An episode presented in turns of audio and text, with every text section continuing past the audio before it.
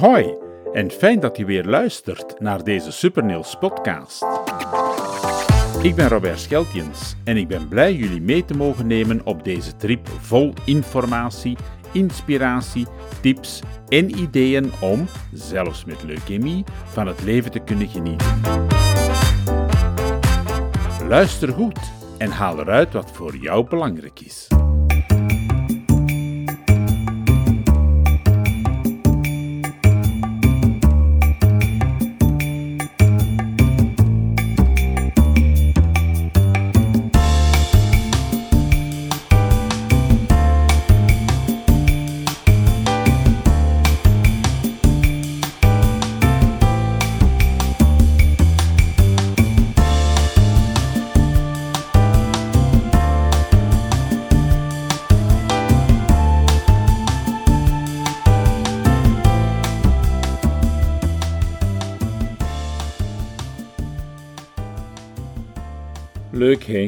Die jazzmuziek. Leuk om bij weg te dromen met je geliefde, gezellig in het salon met een hapje en een glaasje wijn. En je weet nooit wat de avond zal brengen. Je weet nooit hoe en waar die zal eindigen. Maar dat het een leuke avond wordt, dat is zeker. Vaak eindigt zo'n gezellige avond in bed. Genieten van elkaar, knuffelen, elkaar strelen, lieve woordjes fluisteren. En dan dat intieme contact waarnaar je zo hebt verlangd. Liefde en seksualiteit, het kan zo mooi zijn, het is zo natuurlijk. Het is er bovendien voor iedereen, arm, rijk, oud, jong, voor elke nationaliteit, binnen elke religie. En toch toch kan het voor sommige mensen moeilijk zijn. Want hoe zit het eigenlijk met relaties en seksualiteit als je lijdt aan een ernstige ziekte, zoals kanker? Kan je dan nog steeds gewoon genieten van elkaar? Mag je elkaar strelen? Mag je kussen? Mag je dat zo belangrijke en fijne intieme contact nog met elkaar beleven? Of moeten we bepaalde voorzorgsmaatregelen nemen? En hoe communiceren we daar dan over met elkaar? En wie kan ons daarbij helpen? Heel veel vragen die in de hoofden van een patiënt en zijn partner kunnen opborrelen. Vragen die een impact hebben op de seksuele beleving en de relatie in het algemeen. Het is dus belangrijk genoeg om er een podcastaflevering aan te wijden en jullie alvast enkele antwoorden te geven relaties, seksualiteit en kanker. Een gesprek met Christel Mulders van het Jessa ziekenhuis te Hasselt. Christel is oncoseksuologe en dus de beste persoon om onze vragen aan te stellen.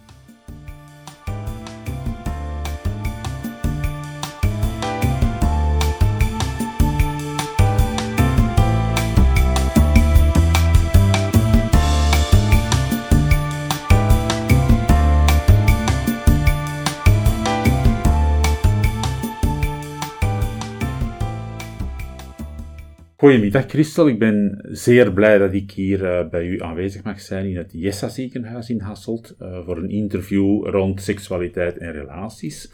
Uh, maar het is misschien wel belangrijk dat u zichzelf eens eerst even voorstelt aan, aan de mensen, aan de luisteraars. Eh, wie bent u, wat doet u allemaal enzovoort. Goedemiddag. Dank u wel eerst en vooral voor de interesse. Uh, ik ben Christel Mulders en ik ben uh, seksuologe en al jaren als uh, seksuologe ook wel gefascineerd door um, ja, seksualiteit binnen de oncologische problematiek. Ik werk al bijna twintig jaar um, op oncologie. En um, ja, mijn, mijn, mijn fascinatie daarvoor was, is, is ontstaan eigenlijk doordat ik eh, tijdens mijn gesprekken met, met de mensen eh, toch ook wel van hun hoorde dat, dat uh, de behandeling van, van kanker voornamelijk een impact kan hebben op de relatie en op, op de seksualiteit. Mhm. En daarom ben ik mij ja, jaren geleden al meer gaan specialiseren in dit thema. Ja, ja. Nu denk ik dat het een heel belangrijk thema is, hè? Uh, want je linkt seksualiteit en, en, relaties niet meteen aan zo'n ernstige ziekte zoals uh, kanker, leukemie, noem ze maar op, alle verschillende soorten kankers. Maar het is toch wel belangrijk, denk ik, om daar de nodige aandacht aan te besteden. Kun je eens uitleggen waarom dat zo belangrijk is, die, die aandacht daarvoor? Ja, ik denk dat, dat in onze maatschappij um, nog altijd seksualiteit um, gelinkt wordt aan jeugdigheid, aan um, uh, gezondheid, aan actieve, viriele mensen. En ik denk dat in onze maatschappij dat er nog steeds ook nog wel een taboe rust op seksualiteit bij oudere mensen, maar ook seksualiteit bij ziekte. En als we dan kijken naar, naar um, ziektes, dan moeten we ook een onderscheid maken tussen acute ziektes en chronische ziektes. Als wij zelf een griep hebben, uh, of onze partner uh, heeft een griep, dan gaan we ervan uit van kijk, we moeten uitzieken in bed, of onze partner moet uitzieken in bed, en volgende week is alles terug in orde en kunnen we de seksualiteit terug opnemen. Bij een chronische ziekte is dat natuurlijk een heel ander verhaal, en kunnen we niet zomaar ervan uitgaan dat um, mensen zes maanden, een jaar, jaren hun seksualiteit on hold zetten. Ja, ja. Is het hebben van een relatie belangrijk voor, voor de behandeling en voor de genezing? Is het hebben van een relatie belangrijk voor een genezing. Ik bedoel daarmee een, een, een partner hebben en, het normale leven kunnen leiden. Is dat belangrijk in uw genezingsproces?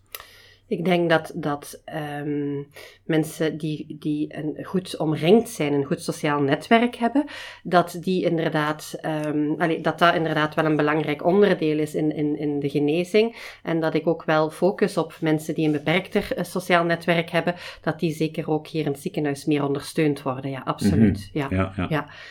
Ik dacht dat u de vraag ging stellen van, uh, is het een relatie hebben belangrijk voor de seksualiteit? En dan zou ik natuurlijk zeggen van nee. Hè? Zo van, ook mensen die alleenstaand zijn, die op dit moment geen, geen relatie hebben, uh, hebben natuurlijk ook seksuele behoeftes. Ja, ja, ja.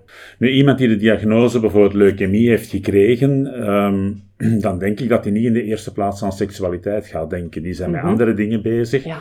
Is het beter om het dan eventjes weg te duwen? Of, of moet dat toch ergens een plaats krijgen in heel dat proces? Ja. Dat is altijd een heel moeilijk evenwicht zoeken. Hè? Zo van wanneer begin je over, over seksualiteit uh, te spreken? Want inderdaad, als mensen uh, ja, zo'n diagnose krijgen, dan is de eerste focus um, op overleven. Hè? Zowel mm -hmm. uh, door, de, door de mensen zelf als, als door hun omgeving.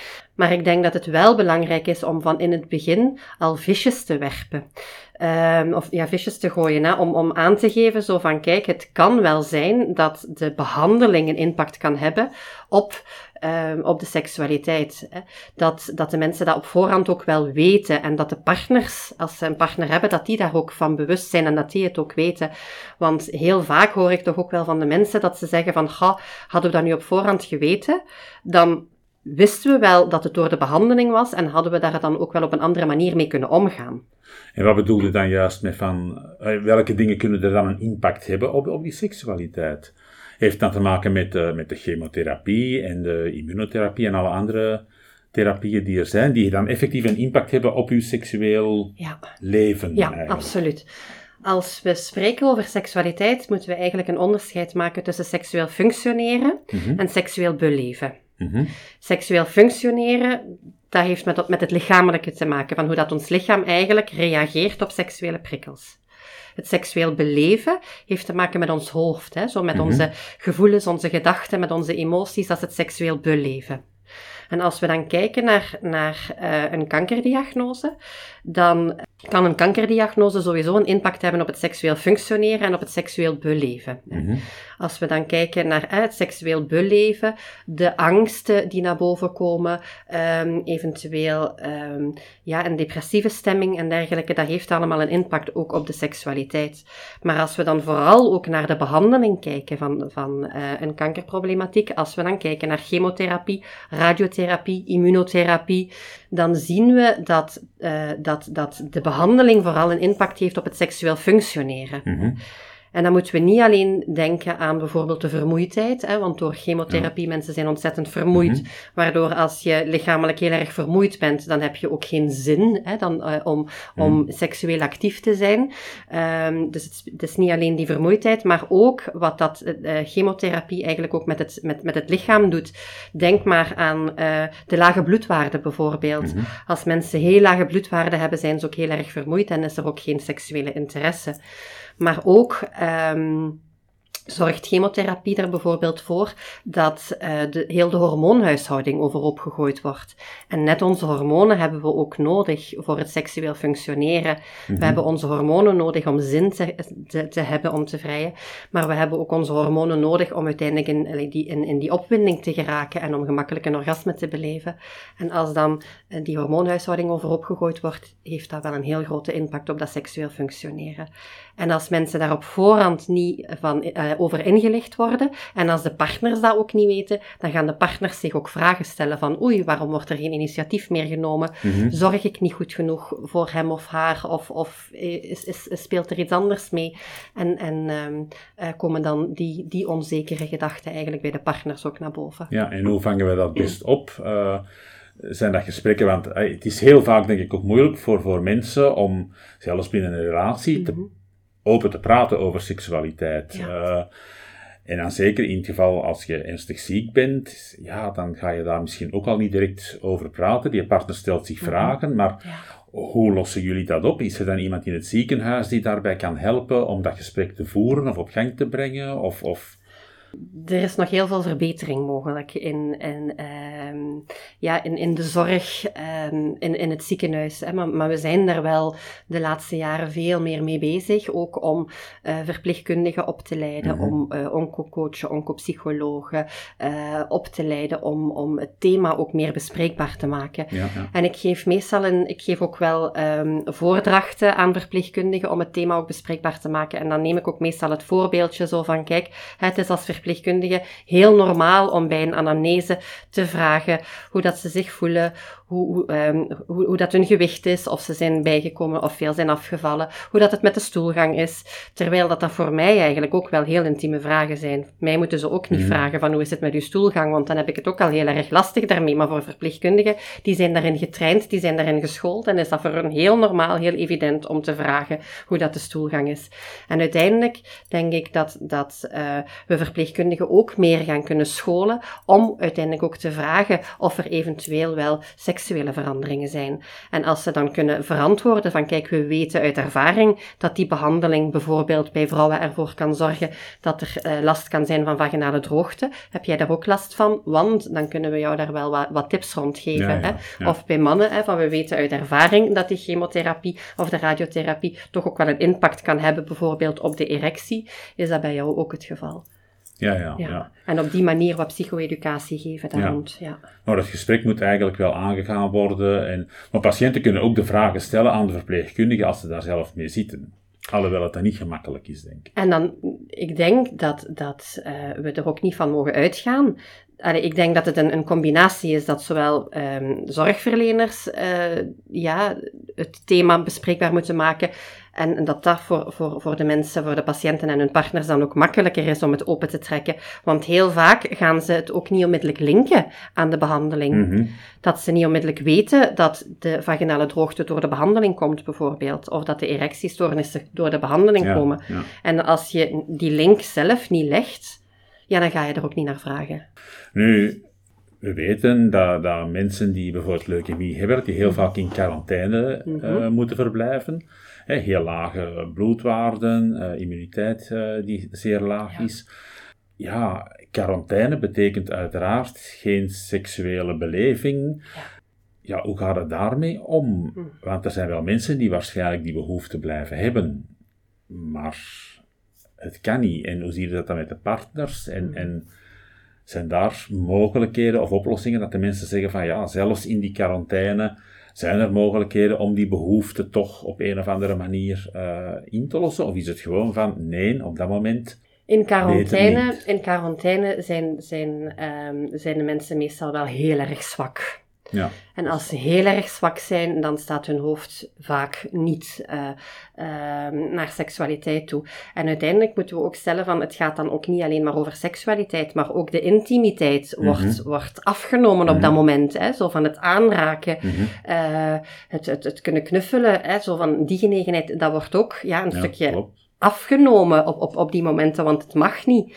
En ik denk dat dat wel heel erg, um, heel erg lastig is. En hoe dat we dat aanpakken, het enige wat dat we dan kunnen doen, is, is daar dan ook wel over spreken.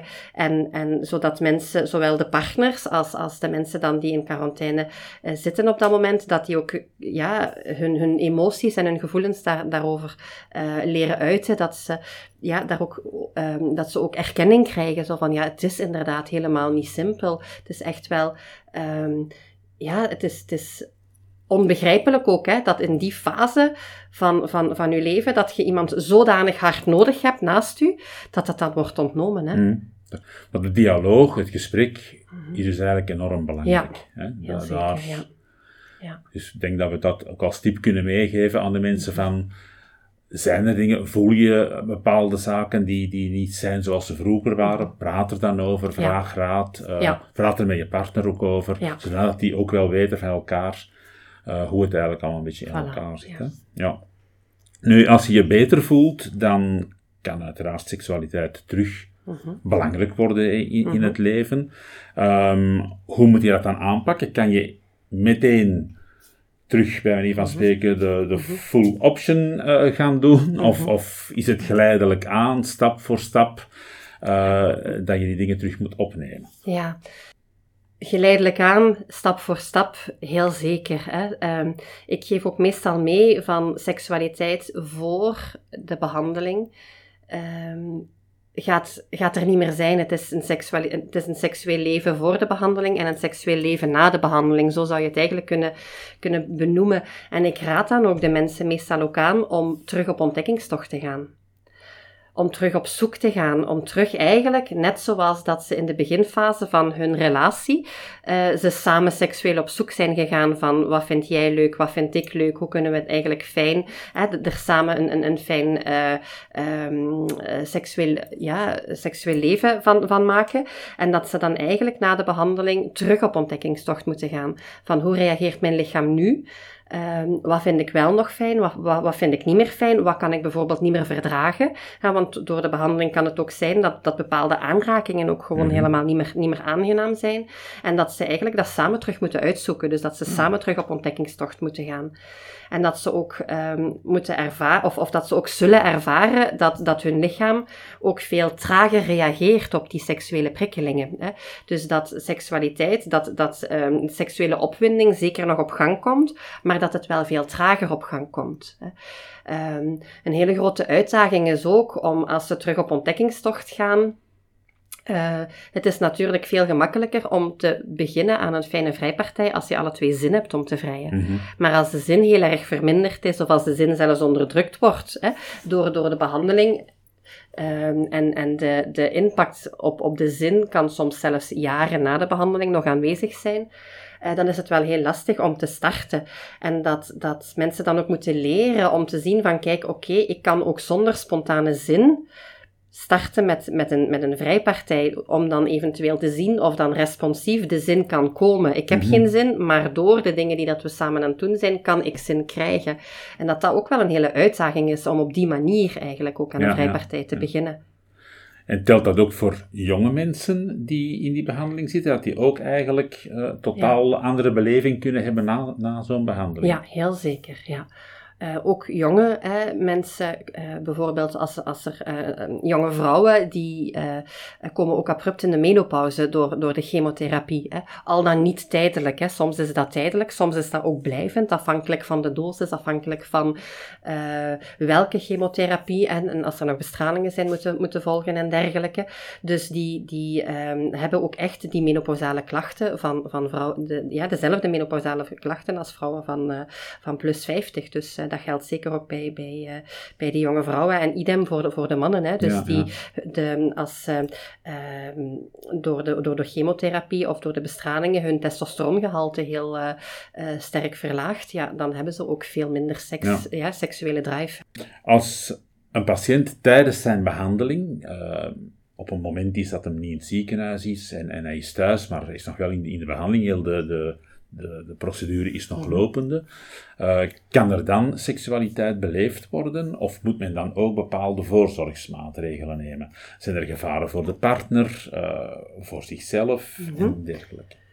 Uh, ik denk wel dat het heel belangrijk is, zeker bij leukemie, hè, dus dat het dan ook altijd met, met de arts ook besproken wordt, hè, in welke fase, hè, hoe dat de bloedwaarden zitten en dergelijke, hè, omdat dat, uh, um, het immuniteitssysteem toch wel, wel uh, heel, um, ja, heel erg onder druk wordt, wordt gebracht door, door de behandeling.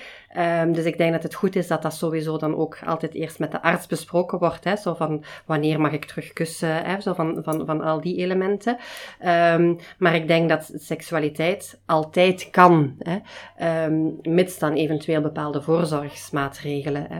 Um, en wat dat we soms, allee, wat dat we ook wel meegeven is als mensen chemotherapie gekregen hebben, dat we wel aanraden om de eerste week na de chemotherapie ook een condoom te gebruiken. Zelfs als je een vaste partner Zelfs hebt. Zelfs als je een vaste partner hebt. En waarom is dat? Dat is eigenlijk ook een stukje um, omdat we, we toch ook wel weten dat bepaalde uh, chemotherapieën uh, toch ook wel, um, ja, nog een aantal dagen. Uh, bijvoorbeeld als, als ze zeggen van, kijk, je moet twee keer het toilet doorspoelen na de chemotherapie. Dat is omdat de, de, de stoffen van de chemo ook nog wel um, in de urine uh, ja, uitgescheiden worden. En als ze dan uiteindelijk seksueel contact hebben, dat ze dan ook wel kunnen, ja, dat, dat er dan eventueel ook nog wel wat, wat resten van, van, van uh, chemo ja, aanwezig kunnen zijn in, in de slijmvliezen bijvoorbeeld. En dat ze daarom zeggen, ook om de partner te beschermen, ja, van om de eerste week uh, na de chemo toch ook wel met een condoom te vrijen. Ja. Ondertussen zijn er ook wel andere studies die aantonen dat dat niet, zo dat, ja, dat, dat niet zodanig um, alleen niet zo'n niet zo'n grote impact heeft op de partner. Maar wij zijn bij ons in het ziekenhuis toch nog altijd heel erg voorzichtig en zeggen toch wel dat het goed is om een condoom te gebruiken de eerste week na de chemotherapie. Ja, ja. Nu, neem dat je geen relatie hebt, maar tijdens heel je behandelingsproces wil je toch een relatie opstarten. Mhm. Je hebt iemand leren kennen. Ja. Waarop moet je dan letten? Wat vertel je ook best aan die partner? Uh, ben je daar open in? Of... Ja. Ja, hoe pak je dat aan? Ik krijg die vraag regelmatig, hè, zo van, van alleenstaande um, mensen die dan toch ook zeggen van, ga, hè, zo van, ik ben eigenlijk toch wel, um, ja, ik begin toch ook wel een relatie te missen, of ik voel dat ik er toch ook wel terug klaar voor ben om eventueel te gaan daten. En dan is het zo van, ja, oké, okay, wat zeg je als je op date gaat? Hè? Moet je al van de eerste keer zeggen dat mhm. je ziek bent of ziek geweest bent? En, en, en hoe pak je dat dan aan? Hè? Um, en daar bestaat dan ook weer geen pasklaar antwoord op. Hè? Dus dat is dan ook weer eh, zelf een stukje voelen van, um, wat heb je hier zelf in nodig? Meestal raad ik de mensen wel aan, zo van dat het nog niet noodzakelijk is dat, dat je dat in een eerste contact vertelt, omdat je dan ook eerst moet aanvoelen van, is dat wel iemand die dat ik beter wil leren kennen, ja dan nee. Mhm. Maar als je dan toch wel voelt van, ah, dat is toch wel iemand waar dat ik van voel van, ah ja, oké, die persoon, uh, daar heb ik toch wel interesse in, die wil ik toch wel beter leren kennen, dat je er dan niet te lang mee wacht om het te vertellen omdat als je er te lang mee zou wachten, dan ga je ook wel wat acht, arg, argwaan of wat achterdocht bij, bij die persoon uh, opwekken. Zo van oei, hè, zo van wat zal er nog allemaal uh, komen of volgen of, of uh, wat wordt er nog allemaal voor mij achtergehouden. Dus in die zin is het zo wat zoeken en zelf wat aanvoelen van wat heb ik nodig om ook mij, mij comfortabel te voelen als ik op date ga. Er, er, is ook literatuuronderzoek rond gebeurd en in de literatuur komt dan naar voren dat ze dan aangeven van kijk, um, dat ze aanraden dat het in, het in de derde of de vierde date toch wel naar voren wordt gebracht. Ja, dus ook hier weer die communicatie toch wel belangrijk en die openheid. Ja. Het is natuurlijk niet gemakkelijk, hè, want als je juist iemand leert kennen, uh, je begint ook niet meteen over die zware dingen mm -hmm. te mhm. praten van je ziekte bedoel mhm. ik dan, maar je begint ook niet meteen over die seksualiteit te praten. Nee, uh, ja. Dus het zijn mhm. wel dingen die ja.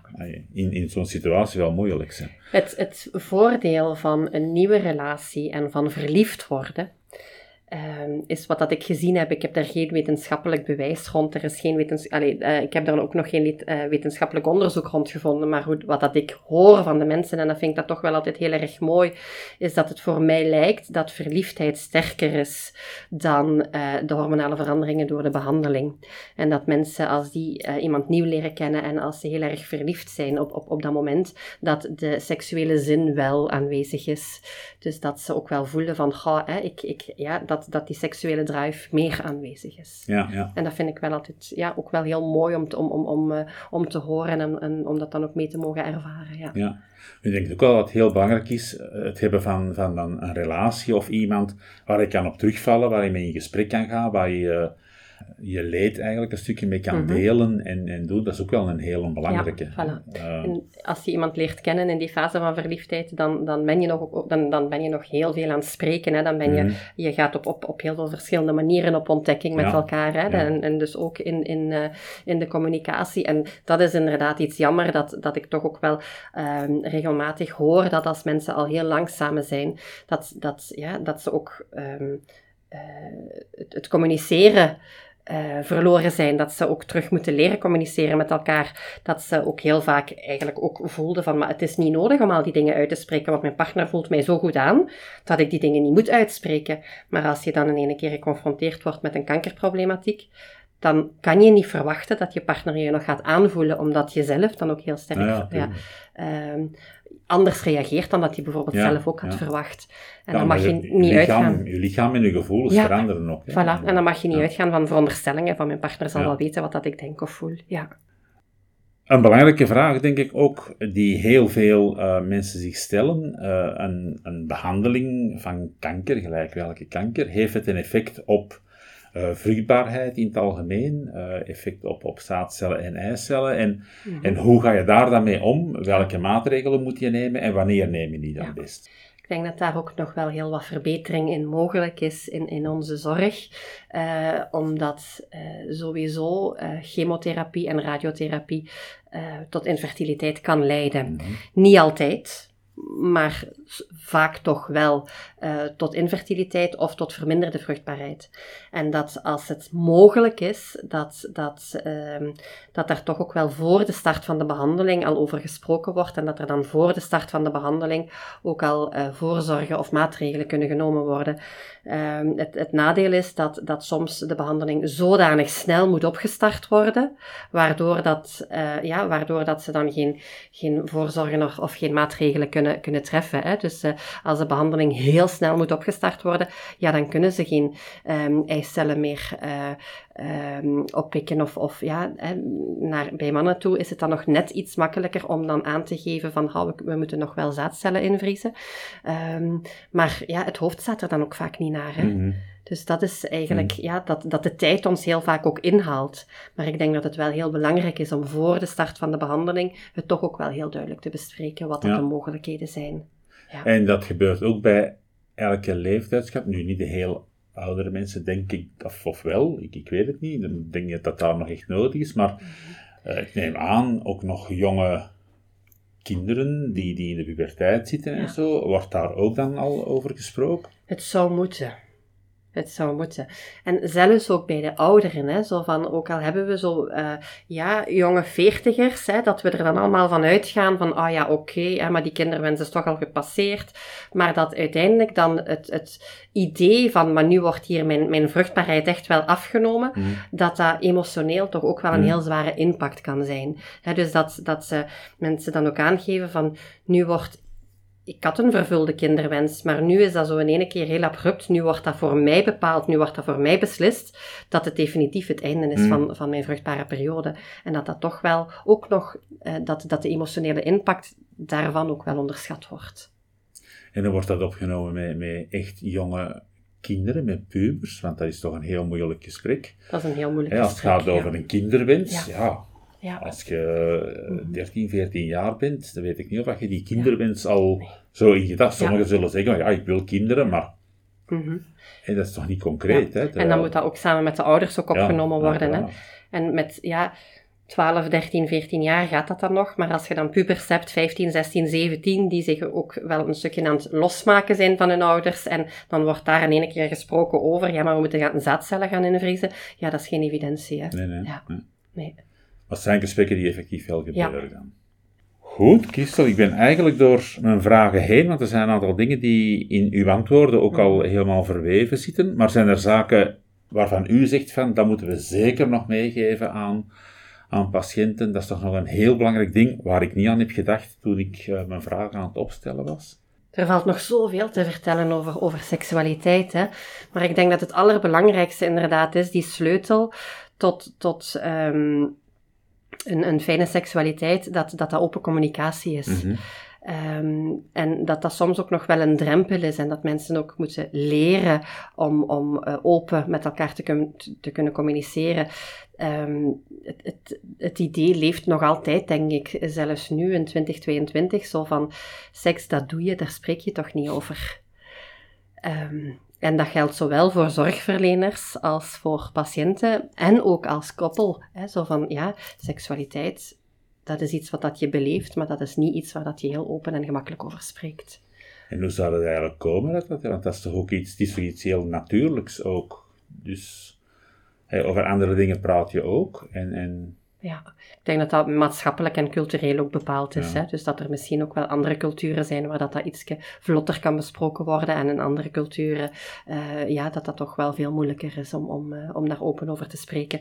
Dan heeft dat ook te maken met onze opvoeding. Hè? Zo van, eh, ja, zijn we vrij opgevoed dat we op- open en, en, en eerlijk over alles mogen spreken? Of, of was seksualiteit in onze opvoeding ook taboe? Hè? Zo van, als we dan ook kijken naar, naar de religie, een hele tijd geleden was dat dan ook, hè, van, van, van seks is vies, daar mag je niet over spreken, handen boven de lakens, allee, zo van die cultuur, hè, die, die eh, ehm, leeft gelukkig nu wel wat minder, maar, maar ehm, ja, we voelen toch nog wel die naweeën daarvan. Hè.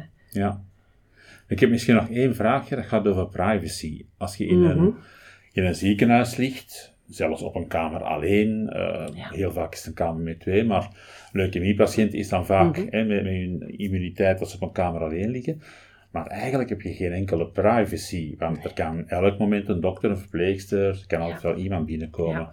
Eh, hoe ga je daarmee om ehm, binnen heel, hè? Dat, dat hoort er ook een beetje bij, de privacy, de, Ik denk dat er op dit moment nog te weinig mee wordt omgegaan eh, in, in het ziekenhuis. Hè.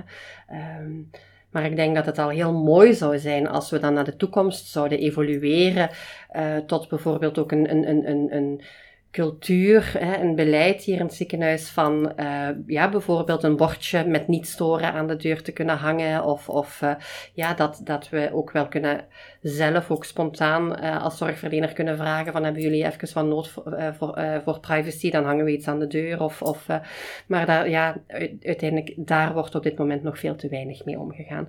Op een palliatieve eenheid merk ik toch wel al meer en meer dat zo die privacy, dat daar toch ook nog wel al gelukkig al wat iets meer aandacht voor eh,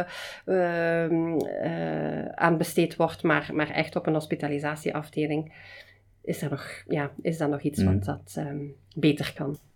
Nog iets waar dat ik aan denk, wat, wat, wat toch ook nog wel belangrijk is om mee te nemen, is dat heel vaak is het zo dat als mensen eh, in behandeling zijn, dat ehm er ook heel veel begrip voorkomt. Hè? Zo van ze zijn in behandeling en, en eh, ehm, ja, ze zijn ziek. Hè? Maar na de behandeling is het heel vaak ook zo van, ah ja, oké, dan, dan in de volksmond wordt dan gezegd van je zit genezen, je ziet er goed uit. Hè? Zo van, oké, je, je herstel komt eraan. Ehm, en, en dat, dat eigenlijk dat voor heel wat mensen een heel, heel, heel zware en lastige periode is, omdat het herstel veel trager gaat eh, eh, ehm, ja, dan, dan verwacht en dan gehoopt. Hè. Ze willen zo heel snel ook de draad van het leven terug oppikken. Mhm. En ehm, dat geldt ook voor, voor ehm, de draad van het seksuele leven. Hè. Zo van, we denken, dat dan, ah ja, de behandeling is achter de rug, dus hè, die, die, die spontane zin, of hè, die seksdrive, die, die komt wel terug. Maar we zien toch ook ook wel, en zeker in de literatuur zien we ook dat, dat zelfs vijf jaar na, na de behandeling, dat er toch ook nog wel ja, heel wat seksuele um, problemen kunnen, zich kunnen voordoen. Uh, als we bijvoorbeeld kijken naar een stamceltransplantatie, dan zien we dat, dat uh, uit de literatuur komt dan naar voren dat 80% van de vrouwen bijvoorbeeld nog aangeven dat, uh, dat er toch nog altijd een heel aantal seksuele problemen zijn. Hè, gaande van ehm, een verminderde seksuele activiteit tot uh, echt wel pijn bij betrekkingen, verminderde zin, uh, vaginale droogte, die eigenlijk vijf jaar na de behandeling nog uh, heel erg um, aanwezig is. Dus dat zijn toch wel elementen die, die, uh, die we ook niet over het hoofd, over het hoofd mogen zien. Ook bij mannen na een stamceltransplantatie. uit, uit een onderzoek komt naar voren dat 62, ja, 64 procent, denk ik dat het was, 64 procent van de mannen ook aangaven dat ze eigenlijk vijf jaar na de stamceltransplantatie toch ook nog wel wat problemen hadden met hun erectie bijvoorbeeld. Dus dat dat ook iets is dat we in de follow-up consultaties ook niet mogen uh, vergeten dat dat ook iets heel belangrijk is, dat, de, dat er ook wel lange termijn effecten mm uh, op seksueel vlak aanwezig kunnen zijn.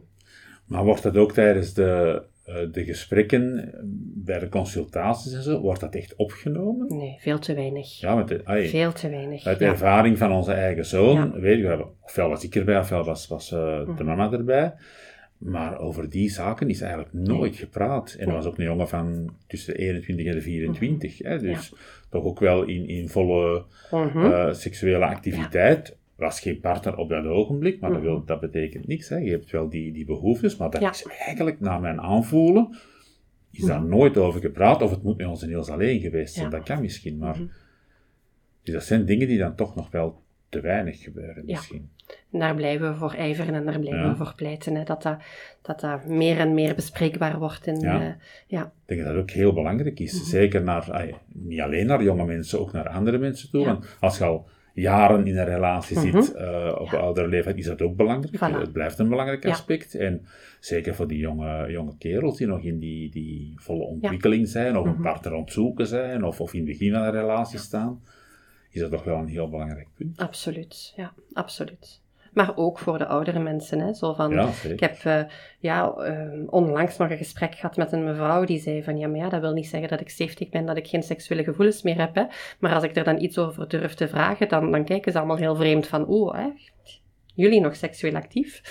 Goed, dan denk ik dat we door de belangrijke dingen zowat door zijn. Um, ik wil u heel erg bedanken, Christel, voor dit gesprek. Ik denk dat het zeer verrijkend was en er zijn ook een aantal dingen die ik heb gehoord waar ik echt wel van geschrokken ben, dat dat dergelijke impact heeft toch wel op, op uh, die seksualiteit van, van de patiënten, maar ook van die partner. Mm. En ik denk dat we ook wel moeten onthouden uit het gesprek dat open communicatie enorm belangrijk is. Dat je met je partner het gesprek aangaat, dat je praat over je gevoelens, over uh, wat kan en wat niet kan, uh, wat je nog graag hebt of niet graag hebt, maar dat je daar open over communiceert.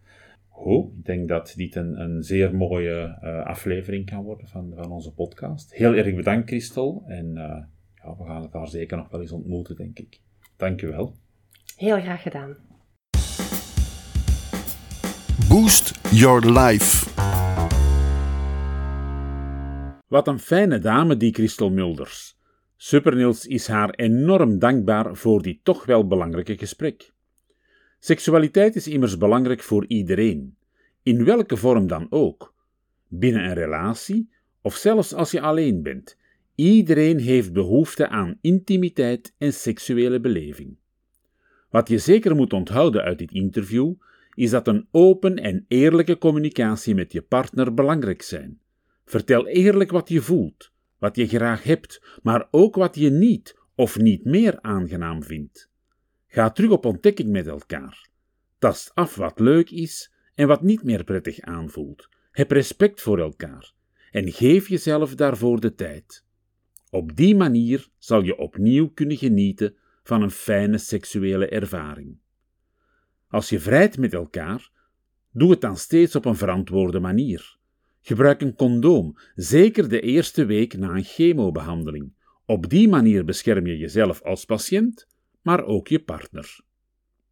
En ben je ongerust over iets? Praat er dan over met je arts of de verpleegkundige. Deze mensen werden daarvoor opgeleid. Zij vinden vragen over seksualiteit echt niet raar. Deze vragen kunnen immers belangrijk zijn voor een verder gelukkig leven. Zet je schroom dus opzij en ga ervoor. Men gaat je graag verder helpen. Binnenkort kan je op onze website, op de blogpagina van deze podcast, nog meer informatie vinden over seksualiteit bij kankerpatiënten. Die zal worden aangeleverd door Christel Mulder zelf. Bovendien denkt Supernils erover na om een deurhanger te laten maken, die patiënten ook een beetje me-time gunt.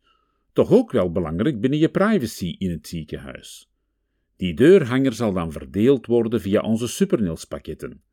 Info daarover zal je te gepaste tijden terugvinden op de blogpagina. Hopelijk had je iets aan deze podcastaflevering en durf je in de toekomst praten over je seksuele behoeftes en ervaringen als dat nodig is. In elk geval, veel succes!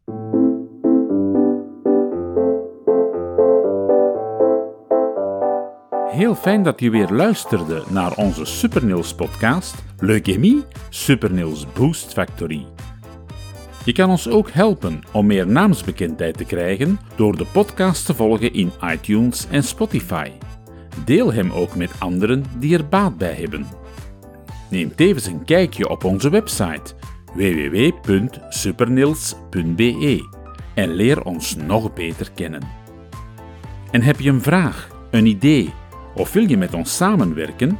Word dan lid van onze online community of Facebookgroep, de Supernils Boost Factory, en neem deel aan de gesprekken en discussies. Samen maken we deze podcast nog beter, nog sterker. Nogmaals bedankt voor het luisteren en tot de volgende keer bij Leukemie. Supernils Boost Factory.